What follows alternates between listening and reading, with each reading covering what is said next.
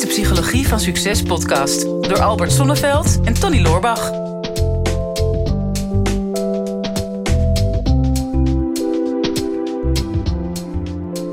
Albert, ik heb echt een vraag binnengekregen. Het is best wel, het is best wel een uitgebreide vraag.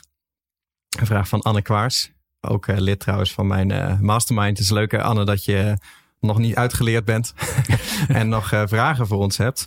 En Anne heeft een heleboel vragen gesteld, dus ik zal hem een beetje samenvatten. Maar enerzijds, Anne, heb jij de vraag van hè, hoe um, kun je beter, beter omgaan met, uh, met keuzes maken? Hè? Dus je hebt het over uh, de moeite om te kiezen voor een hele specifieke doelgroep. Je zegt, ik denk dat heel veel ondernemers stiekem bang zijn om, om echt zichtbaar te worden en zichzelf te laten zien. Hè? Dus hoe kan je echt een doelgroep kiezen? Ja. En anderzijds vraagt Anne rondom de psychologie van geld en de impact daarvan om je business. Dan vind ik moeilijk om daar een onderwerp uit te kiezen. nou, laten we eens gaan kiezen. Laten we het eens over kiezen hebben dan. Ja, ja laten we die eerste doen. Ja. ja. Moeite, moeite met kiezen. Ja, nou ja, dat uh, fantastisch. Want uh, nou ja, ik heb meerdere boeken geschreven, maar één, uh, één daarvan heet Kiezen vanuit je hart. Oh ja. Ja. Um, en dat, zo werkt het bij mij. Als ik, als ik een boek uh, ga schrijven, dan is het meestal over een onderwerp waar ik dan zelf enorm mee worstel. Mm -hmm. En als schrijvend kom ik achter uh, ideeën en inzichten mm -hmm. um, die ik zonder dat schrijven niet had gehad. Dus uh, het was voor mij een heel moeilijk proces. En na afloop van dat boek heb ik ook een paar belangrijke keuzes gemaakt in mijn leven. Ja, om nog meer boeken te schrijven. onder andere om om nog meer boeken te schrijven. Nou ja, het, het wonderlijke is met kiezen. Heb je enig idee, Tony, hoe vaak dat jij kiest per dag? Um, nee. Ja, dat, is al, dat, is al, een keuze. Ja, oké. Okay. Uh, dus uh, we hebben gemiddeld zo'n 50 gedachten uh, per minuut. Mm -hmm. En in feite zou je kunnen zeggen, dat zijn dus 50 keuzes ja. die je maakt. Hè? Want je, je gedachten beginnen altijd met een vraag. Nou, misschien nu al dat je zegt, is dat zo? Dat is Mhm. alweer een vraag. Mm -hmm. En vervolgens komt er in je brein een antwoord. En dat neem je dan aan of je neemt het niet aan. Mm -hmm. Maar veel mensen zijn zich niet bewust dat er zoveel keuzes zijn die je maakt. En ja, ik neem aan dat ander het niet heeft over... ja, wat ga ik nou op een brood smeren? Pindakaas of uh, hagelslag? Nou, er zit ook de nodige keuzestress in. Absoluut keuzestress in. En dat is natuurlijk wel wat we zeker in deze tijd zien... is dat er zoveel aanbod is dat mensen ook niet meer weten... Mm -hmm. wat we moeten kiezen. Ja. En wat is nou het grote voordeel van niet kiezen? Comfort, denk ik. Of uh, pijn uh, uitstellen. Ja, ja, en veiligheid vooral Ja. ook. Hè? Dus Mhm. uh, je, je, loopt minder, je denkt dat je in eerste instantie uh, minder risico loopt om op je snuffer te gaan. Mhm. Maar uh, ja, zoals ik in mijn boek Kiezen vanuit je hart uitleg, is, is dat je twee keuzes hebt. Dus de keuze van kort geluk en lange pijn of korte pijn en lang geluk. Ja. Um, nou, misschien kun je daar zelf ook een voorbeeld van geven in jouw leven. Dat je in, in ene situatie gekozen hebt voor kort geluk en lange pijn. Mhm. En, Ja, je hebt het antwoord al, uh, al bedacht. ik zie het je gewoon telepathisch naar mij toe zenden nu. Om jouw verhaal te versterken. Nee, klopt. Ik denk dat, dat kiezen heel erg moeilijk is. Hè? En, en met name inderdaad, omdat weet je, als iets, als iets echt als een keuze voelt. Dan, dan voelt het ook altijd als een mogelijk verlies. Hè? En uh, ik zeg wel eens van mensen zeggen heel vaak: we houden, mensen houden niet van verandering. Hè, maar als jij 100 euro op je bankrekening hebt en ik zeg, uh, zal ik er 1000 van maken, dan hou jij wel van verandering. Hè, dus mensen, het is niet zo dat mensen niet van verandering houden, maar mensen houden niet van het mogelijke verlies wat gepaard gaat met verandering. Ja. En ik denk dat je dat als ondernemer vaak hebt. Want hè, Anne is ondernemer, dus ze stelt het vanuit ondernemer. Maar mocht je dat niet zijn, denk ik dat dit ook voor je opgaat. Is dat je doet iets op een bepaalde manier. En zolang jij alle opties nog open houdt in je hoofd, dan zijn al die opties hebben 100% potentie. Ja. Dus je hebt op een gegeven moment je hebt tien gave producten bedacht voor alle mogelijke doelgroepen. En op een gegeven moment denk je van nou, ik richt me eerst alleen op vrouwen, maar als me nou op mannen richt, mijn doelgroep twee keer zo groot. Ja. Hè? Dus, dus je houdt alle opties open. En dan op een gegeven moment denk je, nou, ik heb tien producten bedacht, dus ik heb tien keer 100% potentie. Maar als jij je aandacht gaat, gaat splitsen over die tien producten, dan krijgt geen van die producten krijgt de aandacht die het verdient. 10 procent. 10 procent. Ja. ja. maar dan kun je niet excelleren. En dan kan je dat bedrijf ook niet groter maken dan dat je zelf kan zijn. En zelfs niet eens zo groot als dat je bent, want het is maar zo groot als 10 procent van wat jij bent. Ja. Dus op het moment dat jij de productiviteitsgoeroes volgt, um, dan zou je zeggen, kies er één uit. Hè? Ja. Eentje. Eentje doe ik wel en negen doe ik niet. Maar ja, dan heb je één keer winst tegenover negen keer verlies. Hmm. En dan win je nooit. Nee. Dus dat, dat voelt nee, want verlies voelt al veel zwaarder dan winst. Ja. En dus, dus je streept dingen door. En door die beslissing maar uit te stellen, hou je in principe de, de opties open. En ik heb dat, ik denk in de meest extreme vorm heb ik dat denk ik ervaren dat toen ik mijn business begon in 2010, heb ik altijd mijn software verkocht voor, voor een eenmalige investering. En dat was eh, korte termijn geluk in ieder geval. Hè? Ja. Want eh, als mensen het kochten, betaalden ze mij 3.500 euro. En dat zorgde echt voor recordomzetten hè, met productlancering. Daar werden miljoenen euro's omzet mee gedraaid. Maar wel een enigszins lange, lange termijn pijn. Want als jij 100.000 euro omzet in een maand draait, dan staat de volgende maand de teller weer gewoon op nul. En dan moet je weer opnieuw. En eh, ik heb toen besloten in 2015 om dat om te zetten naar, naar een membership model. Dus je haal die hoge investering eraf, maak er een laag bedrag per maand van, waar mensen voor in kunnen stappen. Ehm, en dat is eh, korte termijn pijn, hele, hele grote pijn zelfs. Ehm, en lange termijn geluk als, als het goed gaat. Maar dat is natuurlijk een hele moeilijke keuze op dat moment. Hè? Want Ja. als, als het zou mislukken, dan, dan verlies je. Hè? Dus dan wordt het er minder van dan wat je had. Hè? Want stel nou dat iemand lid wordt en ze zeggen na drie maanden op. Ja, dan hebben ze minder betaald dan wanneer ze het in één keer hadden gekocht. Hè? Dus dan moeten mensen al zo lang lid blijven, wil je er evenveel aan verdienen. En als ze daarna dan nog meer blijven, dan heb je een succesvol bedrijf. En dat zijn hele moeilijke keuzes. Ja, ja en, dat, en dat raakt gelijk aan de kern. Hè? Dus eh, niemand eh, kan echt tegen verlies. En, en tegelijkertijd weten we dat we altijd alles verliezen. Eh, dat, is, dat is heel vervelend. Maar eh, ja, nou ga ik een heel raar voorbeeld geven. Maar je bent al terminaal vanaf je geboorte. Oh ja. Dus, dus ergens... Je ergens houdt, dus, je houdt moeten wel in de, de podcast. ja, maar eh, onbewust weten we dat, dat we te maken hebben met vergankelijkheid. Dat niets hetzelfde blijft. Hè. Dat, dat is de enige constante. Alleen ehm, ja, om steeds te moeten hebben om, om dat te omarmen. En, en te weten dat eh, op het moment dat je echt iets echt los durft te laten. Dat er dan een mogelijkheid is voor iets nieuws. Mhm. Ehm, ja, dat, dat kun je maar op één manier achterkomen. En dat is door dat ook veel te oefenen. Hè, Succesvolle ondernemers hebben in de regel meer verloren dan niet succesvolle ondernemers. Mhm. Ja. En ehm, omdat die heel sterk leven vanuit het principe van eerst geloven en, en dan zien. Mhm. Eh, terwijl ehm, ja, mensen die bang zijn voor verlies eh, altijd reageren vanuit ja, eerst zien.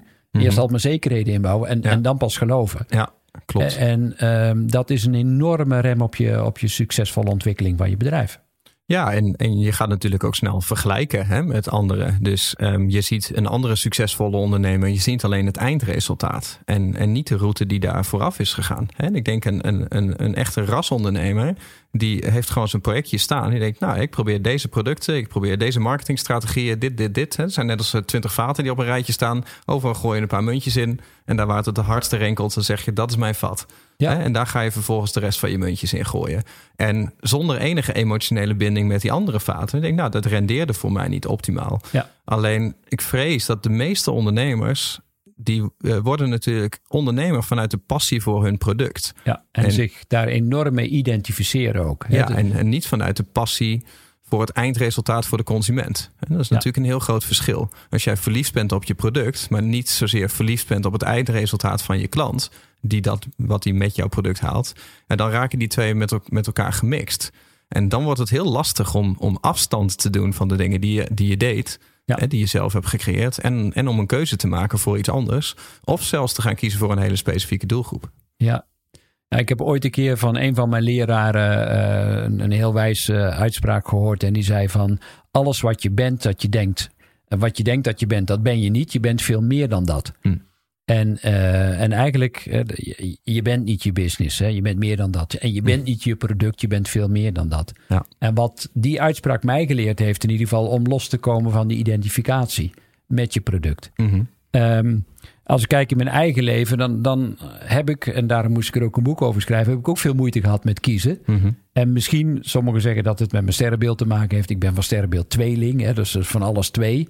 Oh ja. En ik, ik had ook altijd van alles twee. En Dus, dus ik, ik, ik had altijd een backdoor, altijd een soort nooduitgang. Als, als dit niet lukt, dan heb ik in ieder geval dat nog. Ja. En daar heb ik jou ook vaak mee tot wanhoop gedreven, weet je wel. Dan, dan in ieder geval twee websites en, en twee businesses. En ik, ik had twee verschillende laptops. En, en eh, nou ja, weet je, dus ik, ik had altijd zoiets van, nou ja, eh, ik, ik, ik moet iets voor de zekerheid, en daar zat dus heel veel angst eh, achter, Ja. achter de hand houden. Ja, wij hadden het net met de lunch toch over. Hè? Bij ons is het niet zozeer zaaien en oogstalstrategie, maar zaaien en snoeien. Want we creëren veel te veel en dan kun je beter gaan snoeien. Ja. Omdat je, ja, weet je, dat is, uh, we zeggen natuurlijk online ook wel eens van ja, je moet kiezen om gekozen te worden. Als jij niet voor een hele specifieke doelgroep kiest, dan zul je zien dat er ook niet een hele specifieke doelgroep voor jou kiest. Op het moment dat je tegen iedereen praat, dan praat je eigenlijk tegen niemand. Probeer dat maar een keer op een feestje. Als jij gewoon uh, in een cirkel zit op een verjaardagsfeestje. En je begint gewoon in het luchtledige te praten. met iets wat voor iedereen in de ruimte interessant is. Dan zal niemand oogcontact met je maken. Of, of echt opgaan in jouw verhaal. Hè? Maar als jij iemand zoekt. Um, uh, en je snijdt een onderwerp aan wat jullie beiden echt interessant vinden. Dan ontstaat er natuurlijk wel een magie.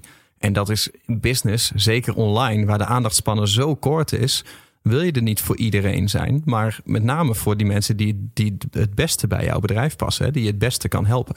Ja. Nou ja, we gaven al een voorbeeld van, uh, van kort geluk en lange pijn. Mm -hmm. uh, daar heb je een heel mooi voorbeeld van. Maar uh, korte pijn, lang geluk. Kun je daar ook een voorbeeld van geven uit je eigen business? Dus iets wat in eerste instantie misschien een beetje vervelend voelt en wat ook pijn doet. En, en, en eigenlijk op de lange termijn je veel meer geluk heeft gegeven of succes.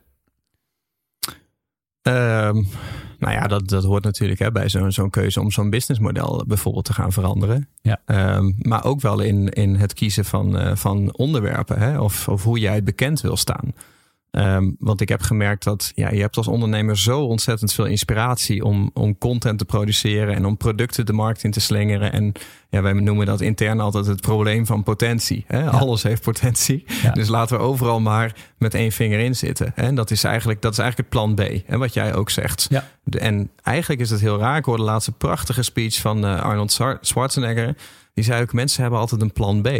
Maar als jij een plan B hebt, dan betekent dat dus niet 100% van je tijd, energie en, en commitment naar plan A gaat. Hmm. Want een stuk van je energie en je focus zijpelt via je achterhoofd weg naar plan B, wat in stand moet blijven. En daarom slaag je vaak niet in plan A. Je, Ja. moet, je moet plan B moet je vergeten. hè. Je moet gewoon volledig omarmen wat je doet.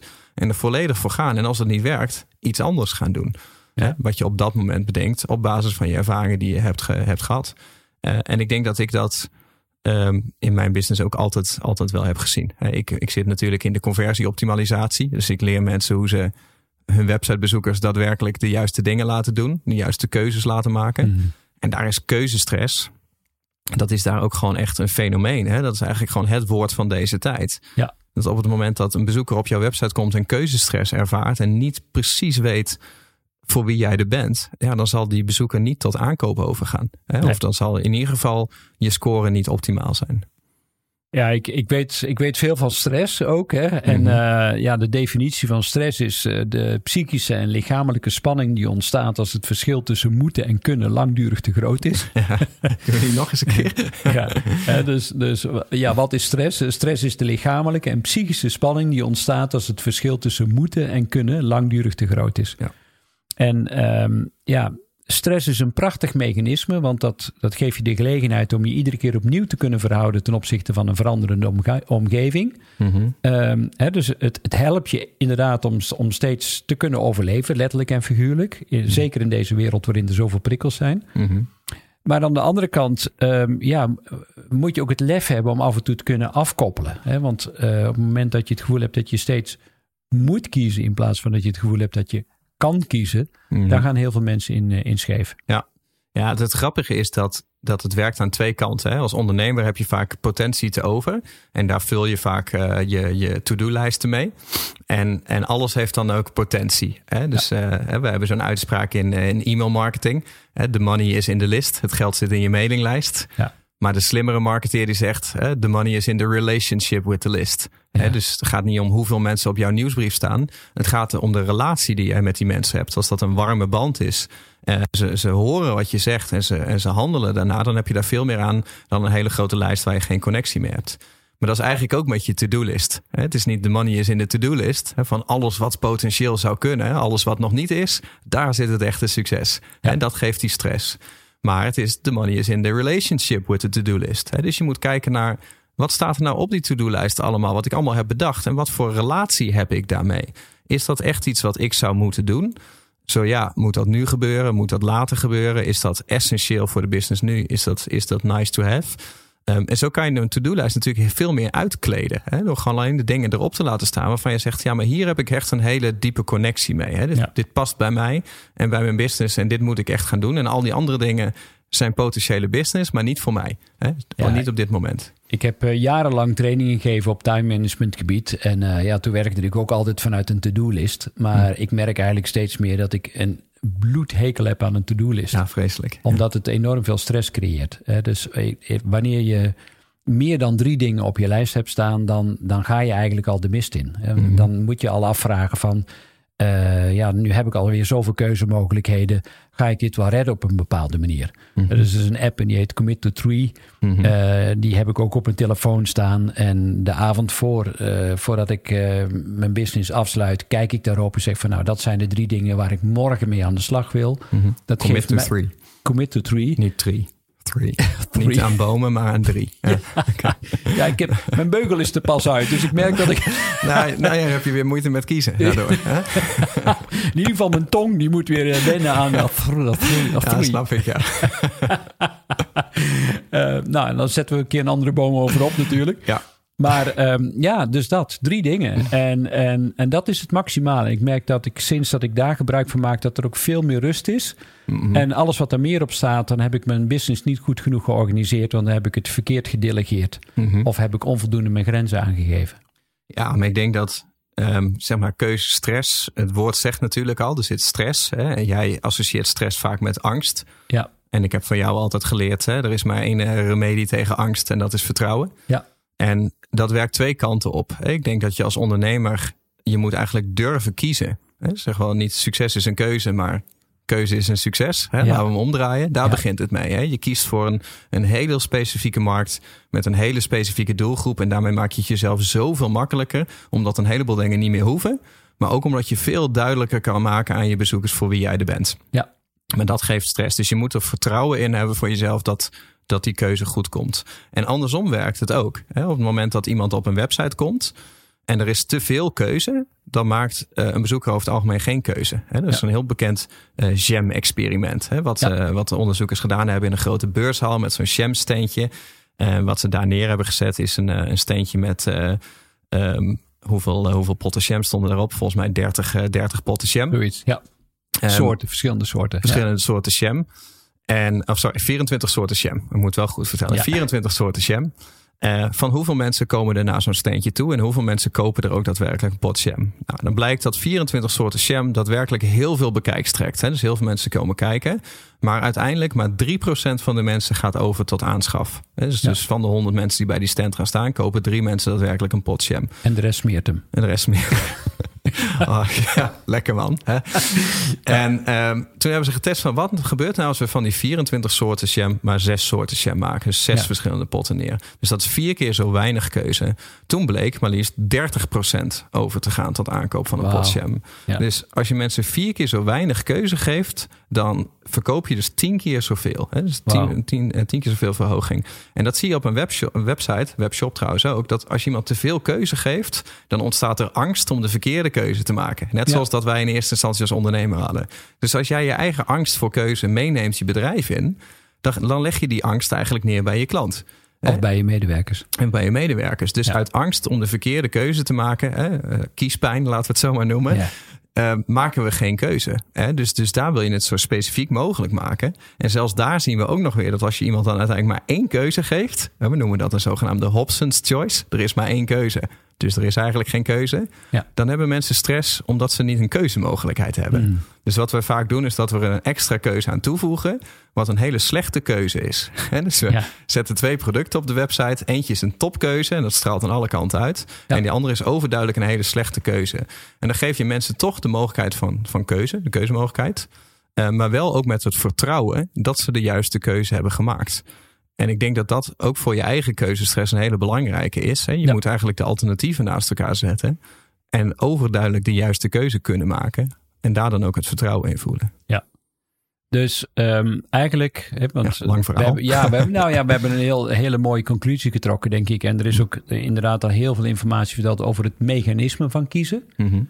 En ja, wat blijft er dan nog over? Is dat je meer tijd neemt om, dat, om dit te reflecteren. Om veel meer te kijken van um, wat ik altijd zeg is, ehm, uiteindelijk maak je iedere keuze vanuit je intuïtie of vanuit je breinbuik of vanuit je hart. Het is Mhm. net waar je het meest vertrouwd mee voelt. En vervolgens ga je redenen bedenken om die keuze te rechtvaardigen. Mhm. En je geeft jezelf altijd gelijk.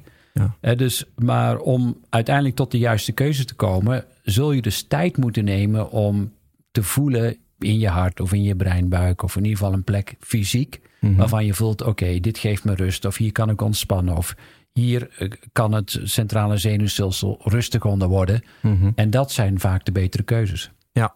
ja, en die kun je volgens mij ook, ehm, om zo te gaan, eh, gaan afsluiten. Het kan zijn dat deze podcast eh, langer is dan onze vorige. Dat we de precieze 20 minuten niet hebben gehaald. Maar dit is best wel een belangrijk onderwerp. Ik denk dat Ja. we gewoon niet goed kunnen kiezen wat we wel en niet willen vertellen.